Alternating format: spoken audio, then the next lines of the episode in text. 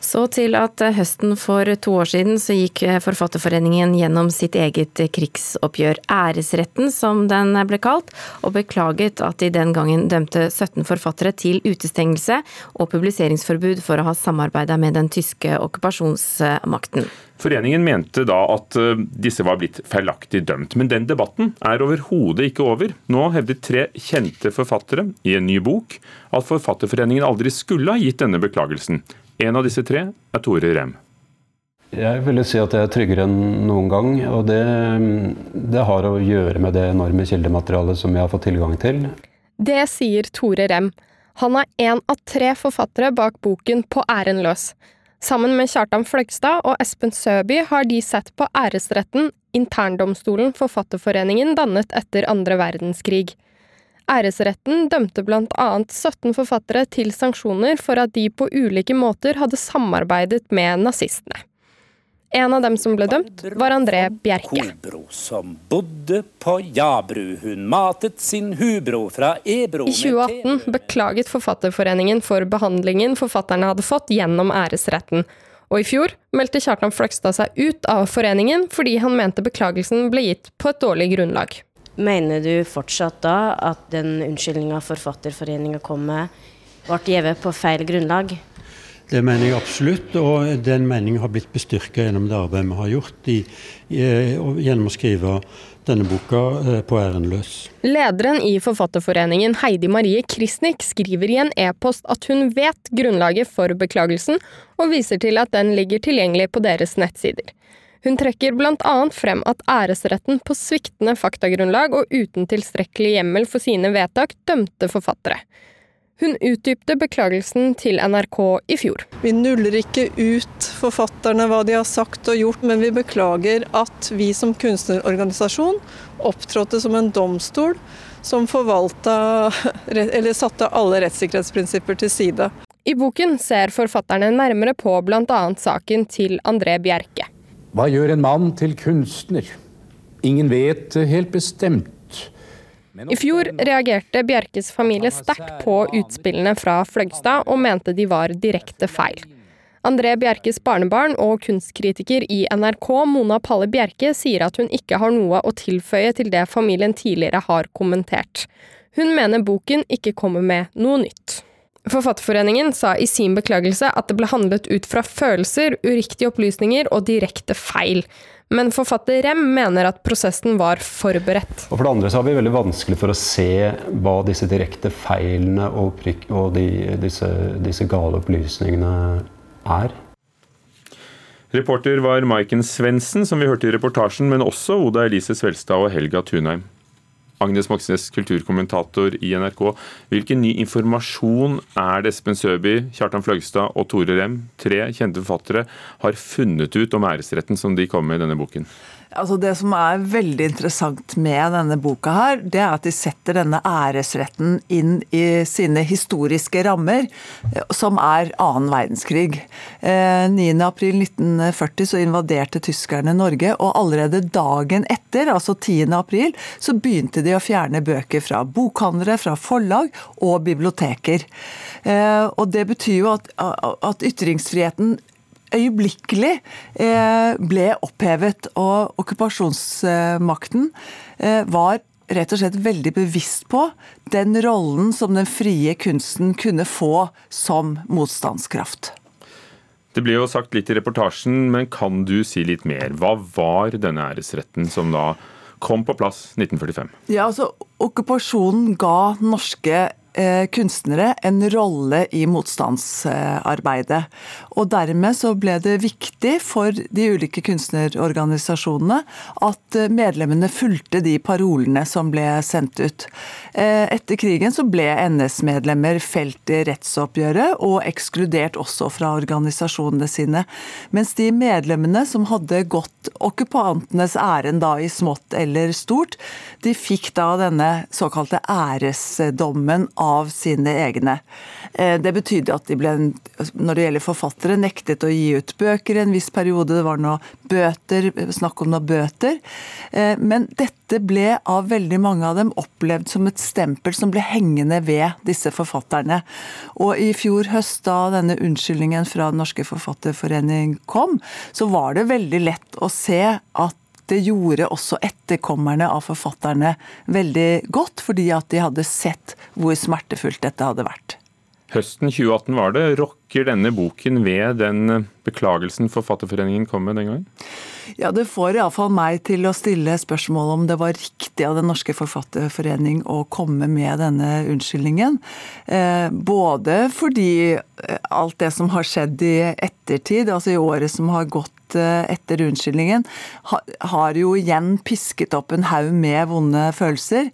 Men også fordi denne boka vise betydningen av den historiske konteksten æresretten opererte i. Og så får vi jo se, da, fordi at om 14 dager ca., 21. mars, så er det årsmøte i Den norske forfatterforening. Det er jo der det gått et år siden Kjartan Fløgstad forlot foreningen. Eh, da kommer det en ny rapport om, eller en rapport om æresretten, og den er jo ført da i pennen av fremstående norske jurister og historikere, og det blir veldig spennende å se hva deres konklusjon blir. Det ble en stor debatt i etterkant av dette om ikke minst André Bjerkes rolle under krigen. Hvilket bilde tegnes av ham i, i, denne boken på æren løs, krigen, litteraturen og æresretten? Altså, jeg syns det er det minst interessante kapitlet fordi forfatterne av denne boka, Tore Rem, Espen Søby og Kjartan Fløgstad, så helt tydelig ikke liker André Bjerke. De liker ikke dikteren André Bjerke, og de liker ikke personligheten hans. Og André Bjerke var ingen stor motstandsmann, han gjorde sine feil. Men han var egentlig som nordmenn flest, han ville helst fortsette med det han ville og det han kunne, også under krigen. Agnes Moxnes, kulturkommentator i NRK. Takk. The Guardian omtaler den norske krimfestivalen som starter i dag som en av verdens viktigste, og Tom Egeland er festivalforfatter da under årets krimfestival i eh, Oslo. Kanskje har du også lest bøkene om arkeologen Bjørn Belte. Egelands første bok kom i 1988 og har, solgt til flere, og har siden da solgt flere millioner krimbøker i 24 land. Eh, Tom Egeland, god morgen. God morgen. Du, eh, hva betyr det egentlig å være festivalforfatter? Det er jo en stor ære. Altså, denne festivalen har jo eh, holdt det gående noen år, og hvert år så blir en norsk eh, krimforfatter uh, hentet frem som festivalforfatter. Jørn Lier Horst, Unni Lindell, Jo Nesbø bl.a. har vært festivalforfattere. Og i praksis betyr det at jeg etterpå, når jeg har gått herfra, skal holde en prolog på, på festivalen. Og ellers så blir jeg som festivalforfatter spesielt trukket frem i litt ulike sammenhenger. Mm. Du, Det at denne festivalen er arrangert så høyt, hva tror du det kommer av? Det er en veldig trivelig festival. Altså, jeg har jo vært på mange tilsvarende festivaler både her til lands og, og internasjonalt. Eh, uh, krimfestivalen i Oslo er hva skal vi si, intim. altså Det er uh, ganske mye folk, men de kommer veldig tett på forfatterne. Det er interessante navn. altså Hvert år kommer internasjonale stjerner til Norge. og det er um, en, en, en, festival som de, de fleste forfattere er veldig glad i å bli invitert til. Men um, Det er jo mange kjente navn, men er det noen eh, litt mer ukjente navn du vil trekke fram? Ja, så det er jo Jeg tror det er over 50 forfattere, så den listen vil jeg heller anbefale folk å gå inn på nettet og lese. Men det er alt fra kjente, kjære norske krimnavn til uh, internasjonale bestselgerforfattere og komplett ukjente forfattere. Mm. Og så er temaet altså den nordiske krimsjangeren sammenligna med den internasjonale. Hvorfor tror du nordisk eh, krim har blitt sånn eh, ja, et fenomen som andre land lar seg inspirere av? Ja, det som kalles nordic noir. Mm. Jeg tror pussig nok at det som for oss her i Norge, Sverige og, og, og Danmark, Finland, for så vidt Island, det er det at eh, det som for oss er hva skal vi si, vinter og Det grått mørketida. Mørketida, depresjon og alt dette som særpreger oss, det er veldig eksotisk ute i verden.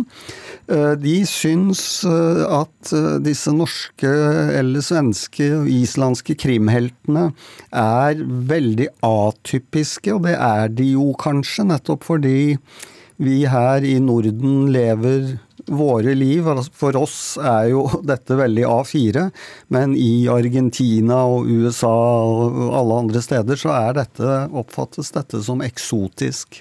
Du, jeg må jo spørre, er du i gang med en ny krim eh, selv? Jeg er i gang med en ny krim til enhver tid, for det er dette jeg lever av. Eh, Så i disse dager er jeg i ferd med å legge siste hånd på verket på en bok som kommer senere i år, og så er jeg allerede i gang med å klekke ut den boken jeg skal gå i gang med om egentlig bare noen uker. Hmm. Eh, Det spørs på om du får inspirasjon på krimfestivalen eller ikke.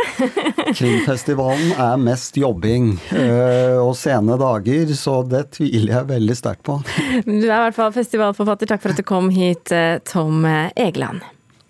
Det var en eh, nyhet da Kjetil Alstheim gikk fra å være politisk redaktør i Dagens Næringsliv til Aftenposten. Og så lurte mange på hvem skal overta denne stillingen i Den rosa avisen, DN på folkemunne. I går ble det kjent. VG-kommentator Fridtjof Jacobsen overtar og blir politisk redaktør i Dagens Næringsliv.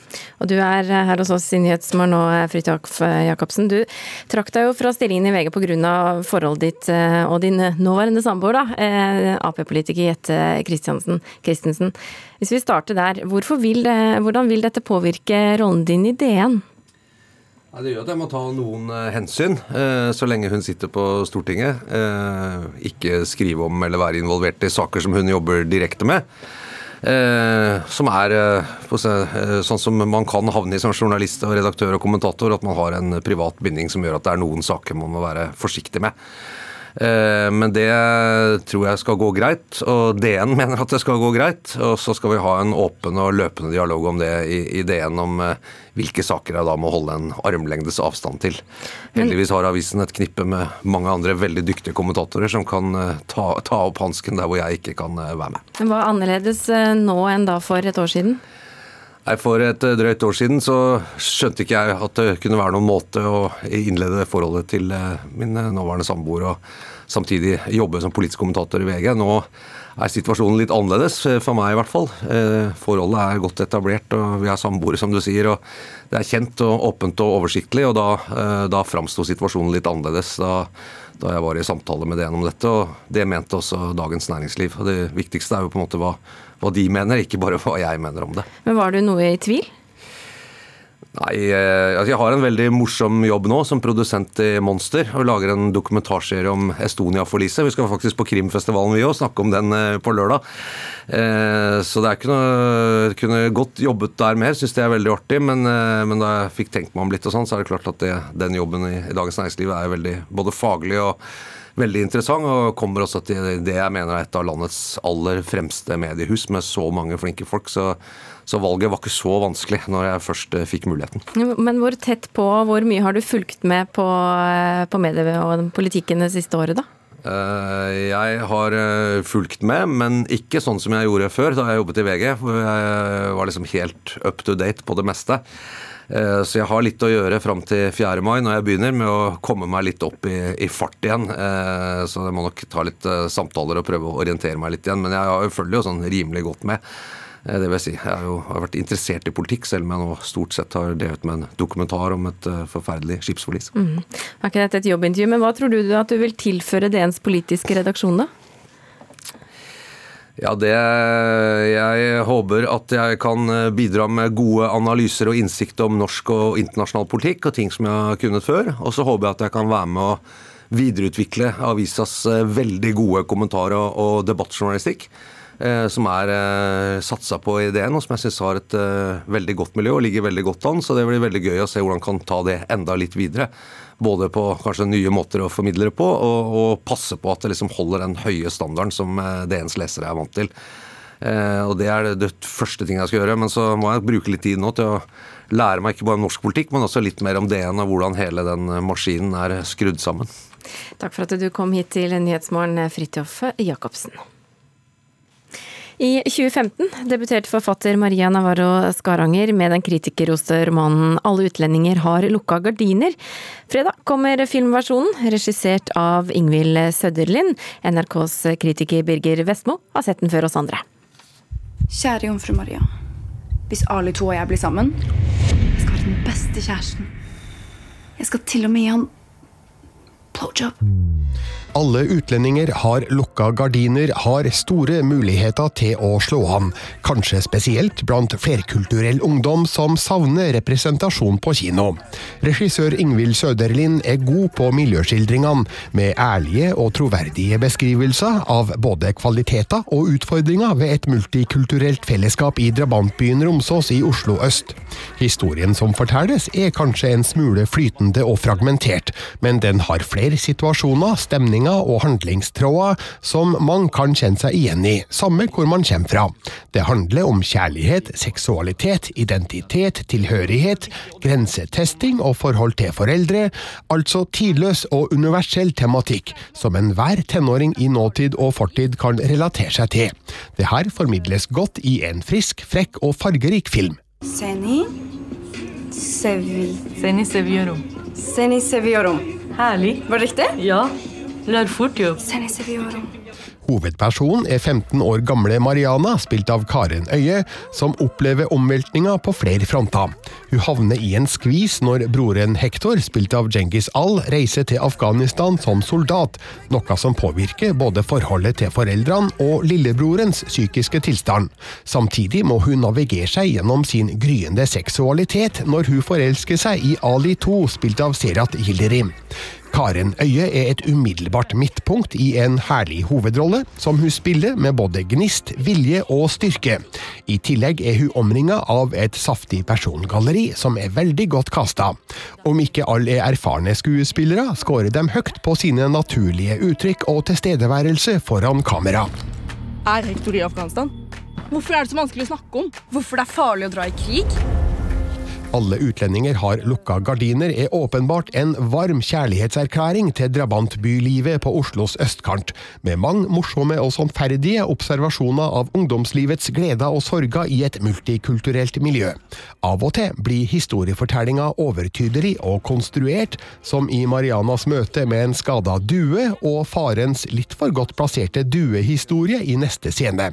Andre steder ser det ut som at visse feider og konflikter forsvinner like raskt som de blusser opp, og med en spilletid på bare 1 time og 23 minutter kan det virke som om filmen har det litt travelt med å slutte.